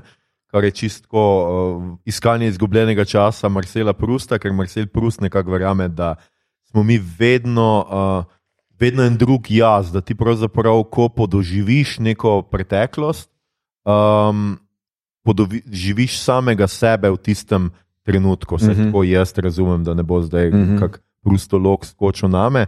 Um, on nekako verjame, mislim, meni je, so te njegove teorije fenomenalne in sem zaradi tega se splača brati iskanje izgubljenega časa, on nekako verjame, da je človeški jaz je kot ena kolonija polipov. Skratka, ti si zelo razdeljen, zelo parceliran in pač nisi ti isti človek v preteklosti. In če mi kdaj, um, pa se to se kdaj zgodi, kdaj recimo. Kakšno res podoživimo preteklost na res, res en globok, uh, kompleksen način, recimo ob vonju, ne, tako kot uh Mhm. -huh. on, recimo ob vonju. Včasih se ti res zdi za sekundo ali dve, kot da si, pr, kot da si spet ti tisti, mm. v tistem času, in pol pa imaš kar mal tega disociacije z, z tisto sedanjostjo. Ne. To se tudi pri branju meni doskrat dogaja, ko berem. Jaz sem recimo Prusta ravno bral na Tajvanu v, pri vem, 36 stopinjah, uh, na, na nekem faksu, uh, skratka, ker sem čakal takrat svojo punco. In je bilo pač okrog mene, seveda, pač Tajvanci, bolj ali manj, jaz sem pa bral, um, mislim, da je Prus bil ravno na neki večerji, bil je december, zunaj je bil sneg. In tako pogledaš gor od knjige in si kar tako. A ni sneg, a ni, a ni večer, a ni. Aha, tudi lačen nisem, ok, v redu je. Ja. Um, ja. Nekaj podobnega se meni zgodilo 2018 na Tenerifi, ko sem bil 1. decembra ne, na plaži. Mm. Podo, popolnoma podobna varianta. Tako pogledaš na uro in rečeš, da wow, 1. december je tle pa 28 mm -hmm. stopinj. Ja. Res, ja. Ja. Ja, kar Ker si imaš že, mede. k- Vprosti, kar si že prej Ja, omenil, ja. bom rekel, pač eh, regresijo, ne, recimo v samega sebe. Ne. Eden zadnjih takih filmov je bil na Netflixu The Adam Project. Aha, ja, ja. Z Aha. Nisem gledal sicer, ampak Jaz Ryanom Reynoldsom. Ja. Ja, pa je, v redu. Ja, meni se je zdel zelo gledljiv, no. mislim, popkorn, ok, ne, ampak bom rekel tako, zelo dobro narejen se mi je zdel. No. Mislim, uh -huh, uh -huh. Za prijetno nedeljsko popoldne, ko se želiš regresirati v samega sebe v sobotno jutro. Ko Ko si želiš regresirati v Ja. Edema. No, se kaj je pa un z Amazona, kjer oni potujejo bo, bojevati prihodne vojne. Ja, uh, The Few, uh, Tomorrow War. Uh, Tomorrow Tisti War, je pa. Tist pa je v bistvu, da alieni napadejo in potem hkrati, ko so že alieni napadli, so oni izumili time travel in zato, ker so alieni pobili že toliko ljudi, grejo v preteklost in uh, rekrutirajo ljudi, ki bi itak umrli v prvem valu, da se pridejo boriti proti vesolcem. In uh, uh, tega glavnega junaka, uh, njegova hčerka, rekrutira. In ja, no, glavnem. Uh, film je. Skratka, ja, super, ja. ja, No. Kris Pret je not. Ja, zdaj bi mogoče še za, proti koncu omenili, kaj je s to fiziko. Igor je zapisal v scenariju fizika, zizika je to poglavje. Igor, ja, sakonet. Uh, uh, ja, glej smo da res jaz tudi včasih srednji šolc bil. Da, ja. Ja. Uh, torej, uh, z neke bolj fizikalne perspektive, na mesto pri, pripovedniške, kar smo do zdaj imeli, imamo pa pač tri neke vrste. Torej, enotno časovno linijo, uh -huh. kar smo imeli pač tale zaprt lup, multiverz različnih uh, odločitev. Ali pa možnost sprememb brez hujših posledic uh, za časovno linijo. Zdaj, uh, multiverzum oziroma več vesolje, uh, je pač, da vsaka odločitev, ki jo sprejmeš, ustvari nov timeline, ki pač teče naprej. Uh, brez sprememb pa tu, recimo, smo omenili maščevalce, kjer se pač vse skupaj nazaj sestavi, uh, ali pa pač še en kup drugih primerov. Mm. Uh, zdaj uh, me pa zanima mito, uh, tvoj pogled, kako tukaj Star Trek še doda različne nianse in koncepte. Se po večini Star Trek ima res to potovanje v preteklost, uh, da se ohrani linija, uh -huh. uh, da preprečimo neko spremembo. Tega je malo morje. Uh, Almaš, naprimer, uh, finale šeste epizode TNG, Times Arrow, kjer se najde Dejtova glava v San Franciscu in Dejta tudi jasno pove, uh, ko v bistvu mu Picard reče, kao ti ne smeš iti nazaj, jaz to hočem ohraniti, smo prijatelji, pa tako naprej, pa mu Dejta zelo modro nazaj odgovori. To se je že zgodilo in se bo zgodilo, in mm. se potem tudi zgodi, in pač je potem zelo petlinija zaklenjena. Potem v Voyagerju imaš uh, te zadeve z um, uh, Times Arrow, ne Times Arrow, Times uh, Timeless, pa, uh, oziroma Timescape, se pravi, v letih Timov. Um, yeah. Ja. Pa uh, v relativi, pa tako naprej. Imáš pa posebne koncepte noter v Star Treku, ki mislim, da so pač zanimivo raziskali določene fore. Uh, najboljši mi je tukaj, seveda, um, All Those Yesterdays, torej ultimativni finale uh, TNG, sedme sezone, kjer se, uh, kjer se uh, fenomen ali pa dogodek v prihodnosti uh -huh. uh, razvija v preteklost. Uh, Q uh, Picarda postavi v tri časovnice, v začetek uh, TNG-ja, nekako na sredino, in, oziroma na konec in pa v prihodnost, in mora mhm. Picard skozi um, sodelovanje med tremi različnimi jazi ne, uh, mhm. priti do skupne rešitve, da reši v bistvu celo galaksijo, če ne celo vesolje. Um, ta je meni zelo zanimiv koncept, ki se ukvarja nekako z antičasom, nekaj tega se prej omenil še v OFO, da mogoče tle Nolan dobil idejo mm. za anti-time. Pol Še en koncept, ki mi je zanimiv, je pa ta statična ujetost v čas. Uh, da je nekdo ujet, da se uh, ne more premakniti ven. V DS9 je en lušen, zelo čustven uh, psihološki del um, z naslovom uh, Visitor, uh, mm. kjer pa Captain Cisco, neki plazma, Digiridu, vstavi Technobabel, se mu zgodi in on postane ujet v čas in se Jakeu, njegovemu sinu, pojavlja uh, skozi različne časovne obdobja. Uh, večino večino uh, dogajanja se pa odvija v prihodnosti, kjer je Jake starejši in, in že nekako obupa nad tem, da bi svojega očeta rešil. In skuži, da je rešitev s tem, da se ubije in da ga on tako reši ujetosti v čas. In je zelo emocionalna zadeva, ki v bistvu uh, njemu, njegov oče, ne, torej Captain Sisko, govori: no, stopet naprej s svojim življenjem, pusti me, jaz sem samo nobody. Ne, in tako yeah. Ja. naprej. Ne. Ta je meni zelo, zelo fin. Ne. Um, pol pa še imaš enega, ki sem ga pa že prej omenil, ne, je pa ta Year of Hell uh, iz Voyagerja, kjer pa torej. Manjak, uh, ki skuša rešiti svojo ženo, ima zelo dobro psihologijo razvito, ne, uh, pa svoje bivše cesarstvo skuša rešiti uh mhm. -huh. z časovnim strojem, ki uh, radira iz časovne linije uh, kolonije. Lahko so male spremembe, lahko so pa celi planeti in je tako genocidni pristop do tega, da se spremeni uh, nek predel vesolja, zgolj njegova ladja, ki je časovni stroj, uh, in Voyager so pa obranjeni tega. Vpliva. Uh, teh vplivov ne? in je tu parter, uh, cel film v bistvu je zelo, zelo fina zadeva. Um, tako lepa moralka, a je uh, ok, če sploh kaj spremenimo, a v bistvu ne. Um, kako daleč si pripravljen iti. Uh, v tem delu, v bistvu, čakovte pa Paris, uh, sta ujeta na, te, uh, na tej ladji, na tem časovnem stroju. Um, in čakovte skuša nekako pomagati, pa nekako ima nekako na pol modri pristop do tega. Ja, veš, se on govori neko modrost, ali mogoče pa mi lahko kaj popravimo. Medtem ko Paris, tisti navihan, malo yeah. bad boy, Voyagerja, ne, pa zelo dobro skuži, da se to ne gre, on je genocidni manijak, ne moremo mi radirati celih ras za to, da bi mm. rešili eno osebo. Mm. Uh, in je tako zelo, zelo fin pristop do tega. Ne? Drugi so pa nekako umestne. Uh, no, uh, tudi uh, multivers imaš, Yesterday Enterprise ja. je en tipičnih primerov multiverzuma, kjer se nenadoma uh, pojavi bistvu Enterprise, kot bi bil, če uh, se vojna z, z uh, Borgi, eh, Borgi, z Klingonci ne bi Klingonci, končala. Ne? Ja, ja. Uh, če bi v bistvu kot ta Enterprise C, Ja. 22 let stara Enterprise, uh, uspela v bistvu postaviti na stran, na, rekovajih, na stran zgodovine in pomagati neki klingonski postojanki, bi klingonci to zaz- zaznali kot dejanje časti in bi vojna bila, um, ne bi bilo vojne. No. Ja. Uh, ta je ena, ampak ta, ta se mi zdi to klasična fora. ne. Pač kao, ja, Ja. Všeč mi je zato, ker v bistvu. Star Trekovsko imaš potem ta mehanizem, noter, kao, torej, ja, takoj vidimo neko spremembo, zgolj gajnen, vedno mora biti nekdo, ki skuša, Ja. yeah. da nekaj ni tako, kot bi mm. moralo biti. Ne? In potem vsem ostale uh, skuša prepričati ostale, da pač lete, mi moramo to spraviti nazaj, tako kot je bilo. Ne? Tudi tale zadnja sezona Picarda, upam, da zdaj komu ne spojlam preveč, ne, če gledate sprot.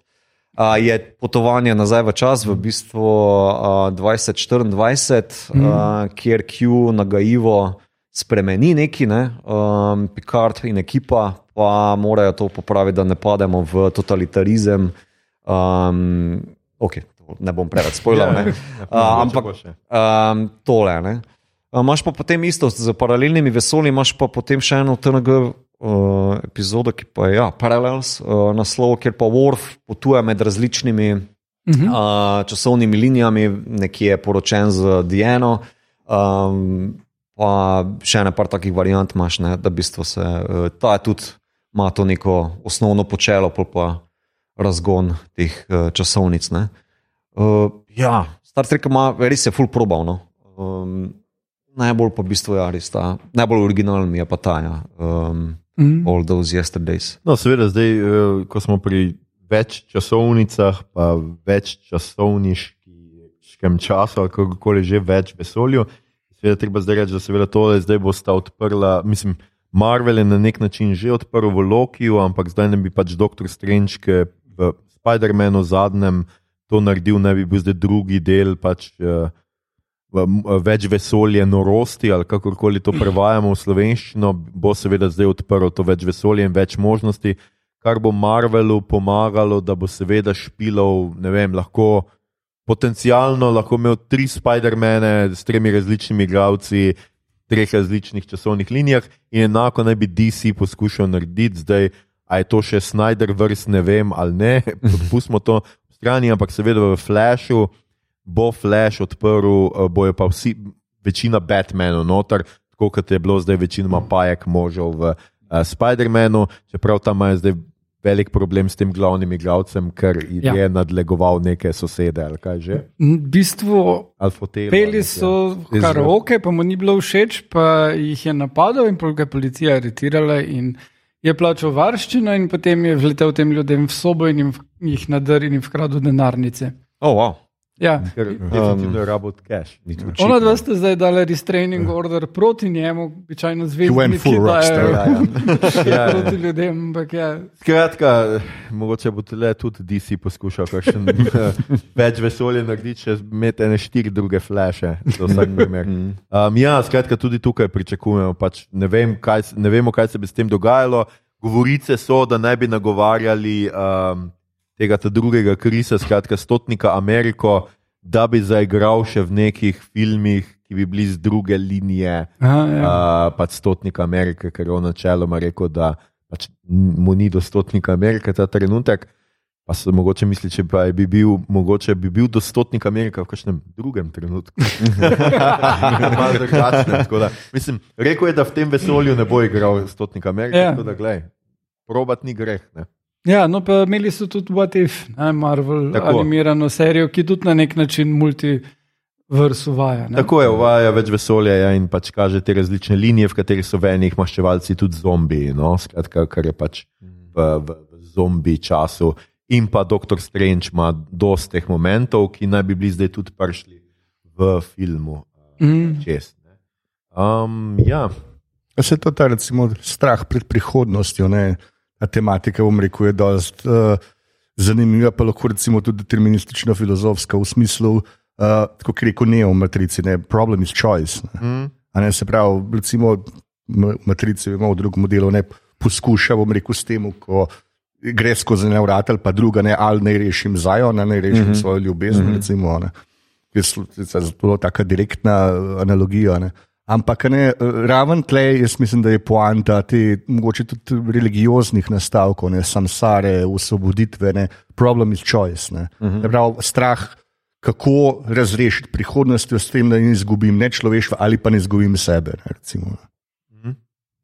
Ja, no, tudi matrica je neke vrste časovna zanka, če jo razumemo tako, da je bilo že prej več verzij mm. neota in da se pač uničenje zajanja zdaj ponavlja mm -hmm. v nekih cikličnih enotah. Mm. Pač poskus pobega iz te centrifuge. Um, ja, jaz imam še eno zanimivo uh, idejo. Glih nedavno sem gledal video PBS Spacetime, ki mi to rad gleda, in je bilo o uh, tem, kje je središče vesolja. Mhm. In je zelo v redu razloženo, in se nanaša tudi na potovanje skozi čas.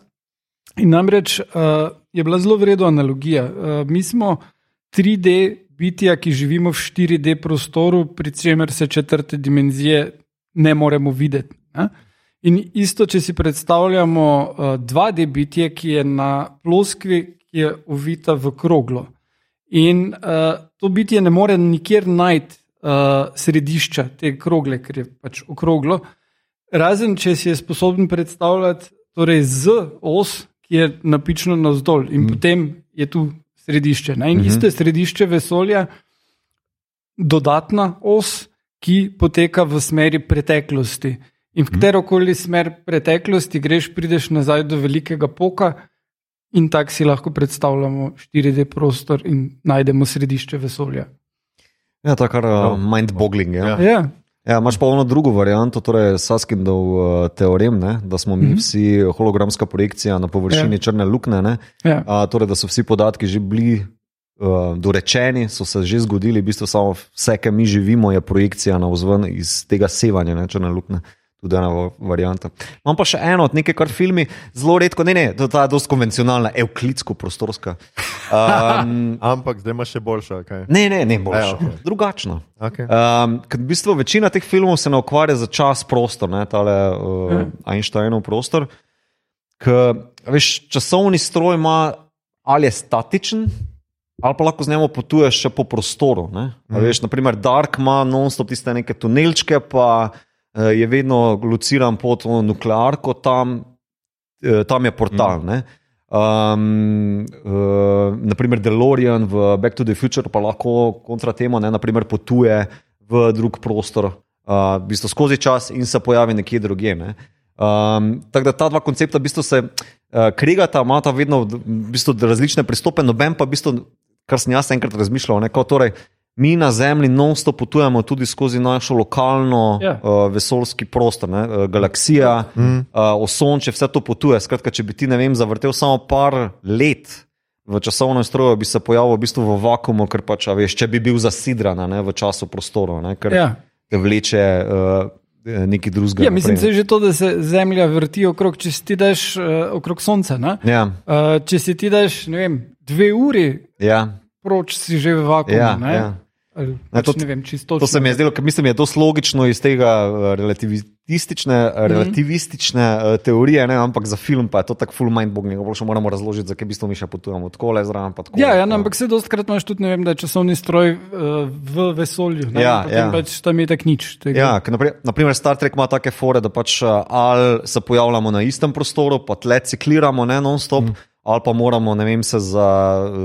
Uh, vihteti okrog sonca, ne, da se ja. zalučamo nazaj. Ne, ali pa borgi odpirajo portal, v, kot v First Contactu, pa za njimi pičemo, ampak je zopet kao, čisto, ko se pojaviš na istem mestu. Mm. Kljub temu, da je par stoletij uh, minilo, ne, preteklo. Um, ja, uh, Interstellar je bilo tudi nekaj tajnega. Ja, samo Interstellar ima tisto drugo logiko, ki je malo bolj. Um, Fantastična, ja. ezoterična, ne, torej ja. črna luknja, bolj se pa pogovarja skozi neko projekcijo, pa nitke tam le šlataš. Pa, ja. um, ja, če šlataš ja. nitke, kva. Prek morzeve kode enormne količine podatkov prenese. Ljubezen prenaša. Ljubezen. Ljubezen, ljubezen. Um, ljubezen ja. kar ni na časa. ja, to se sliši kar logično. Um, Kratka, to, je bila, to je bil mali izlet v fiziko. Jaz sem še um, pripravil tako za konec vem, da ste uh, dosti recimo o tem govorilo skozi čas. Skratka, obstajajo resnične teorije zarod, oziroma teorije zarod. Skratka, neki dogodki, v katerem so ljudje, bodi si ljudje sami zase trdili, da so popotniki v času, da so bodi si iz preteklosti, bodi si iz prihodnosti. Uh, Nedolgo tega sem nekje bral, je nek gospod trdil, da je iz prihodnosti, ker je uh, pač uh, intervju nek sodeloval z njim, ker je nabavo neke delnice ravno pravi trenutek, ko so pridobile astronomsko vrednost in skratka tako. In je on trdil, da je iz prihodnosti in je pač to videl in je pač hotel zaslužiti, ampak pol je nekako zginil in se je skazalo, da to ni bila njegova prava identiteta ali nekaj takega. Ampak Gotovo ste, videli, gotovo ste pa videli na, na Facebooku ali pa na Twitterju uh, en posnetek. Oktober 2010 je namreč filmar George Clark, ki je natančno gledal DVD s Chaplinovim filmom uh, The Circus, objavil na YouTubu uh, video z naslovom Chaplin's Time Traveler. Uh, gre za posnetek z Los Angeleske premiere filma iz leta 1928 na katerem za trenutek vidimo žensko, ki gre mimo kadra uh, z neko napravo prislonjeno na uho in govori. In skratka, govorilo se je, seveda, da gre za nekoga, ki telefonira na mobilni telefon. Oh, wow. Uh, Ker ga operaterja imajo, takrat no, jaz na celem ja, računu. Skratka, ja, to bi bil prvi, prvi logičen pomislek pri tem, ampak ja, to vidite vsake toliko časa, kdo to naloži, mm, gor to, ta video posnetek. Uh, in pač, skratka, ampak re, resni znanstveniki so se seveda vprašali, eh, na kateri, kje ima naročnino, na kateri. Yeah telefon, da vleče še v preteklost. Meni je ravno kar rekel, resni znanstvenik. Ampak načeloma naj bi šlo za nek ne, slušni pripomoček, skratka, mm -hmm. za nekakšen prenosen slušni aparat, ki so jih ravno takrat začeli uporabljati. Sicer pa je tudi en. Nek, slika z nekega dogodka, pozabil sem že kaj, kjer vidimo enega človeka s sončnimi očali in v majici, na videz zgleda, kot tiskana majica, skratka, in polovro med samimi možmi oblečeni v sivo, s klobuki in tako. In pač nekateri trdijo, da je to hipster, ki je potoval uh, v, v preteklosti in da je nek pač časovni popotnik. Ampak vse, vsa njegova kombinacija oblačil se da razložiti. Ni majica, ampak je nek polover, uh, po, ki so jih takrat imeli zašit z nekimi znaki kanadske hokejske ekipe Aha. ali kaj že neki. Sončno očala te vrste so pa, ker ima ta Terminatorjeva, namreč, uh mhm. -huh. so pa takrat tudi obstajala. Skratka, Vse se da razložiti, in vse zaenkrat, žal, moramo razočarati, ni dokazanega. Skratka, on je potoval po času, še prednje bilo tako. Ja, ja, ja, ja, ja nekako, nekako v, v, tem, v, tem, v tem smislu. Ja. No, pa da recimo, da v tem smislu, ko je že omenil resne znanstvenike, leta 2009 je Stephen Hawking pripravil zabavo za časovne popotnike uh -huh. uh, in poslal vabila šele, ko je bilo zabave konc. Nobody came. ja. Tako da rekel, je s tem rekel, da je uh, dejansko empirično dokazal, da popotovanje skozi čas ne obstaja. To je to, kar kupam. Ali al pa nihče ni hotel, ali pa nihče ni hotel priti. Sorry, jaz nisem čist, čist, čist, čist prepričan. Ja. Um, ja, sicer pa jaz tako mislim, no, če obstaja časovno potovanje v času, potem seveda zdaj le uniki poslušajo naš podcast. Ne? Skratka, bojo zdaj potovali skozi čas in bodo prišli skozi vrata, tri, dva, ena. Okay, ni, res, imaš prav. Ni potovanja v času. Um, Za mikrosekundo smo bili. A ne bilo kul, če bi bilo. Ja, ja. It's a me. um, skratka, imaš še kdo kaj za pripomniti o tej temi? A bomo zaključili? Doni Darko.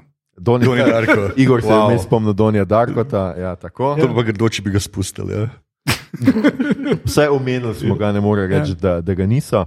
Mislim, uh. lahko damo mi tudi pet minut, da ga disa. Ne, ne, bom da drugič, krajem več kot pet minut. uh, ljudje in ljudje, uh, mogoče ne boste verjeli, mogoče boste. To je bila že naša epizoda. Poslušali ste podcast, ki se oglaša na mejo bot, podcast za serije, filme, risanke, špile in knjige vseh žanrov, od F do Z, ki ga gosti mreža Apparatus. Z vami smo bili Simon, mehki determinist, Abjan. Um, mito, tehnobebel, vstavi tole noter, uh, Gigič, uh, Igor, no, v glavnem, Harp uh, in Aljoša Sonček uh, Harlamov. Uh, tole epizodo smo torej posneli v prostorih Mladinskega centra Jesenice na šesti meteoriti pred živim občinstvom in občinstvo bo dokazalo, da je živo zdaj. No, to, to smo rabili. A ja, še preden nadaljujem z avtorom, uh, zelo na hitro, če bi obstajal časovni stroj, kam bi odpotovali? Mito? Oziroma, kdaj?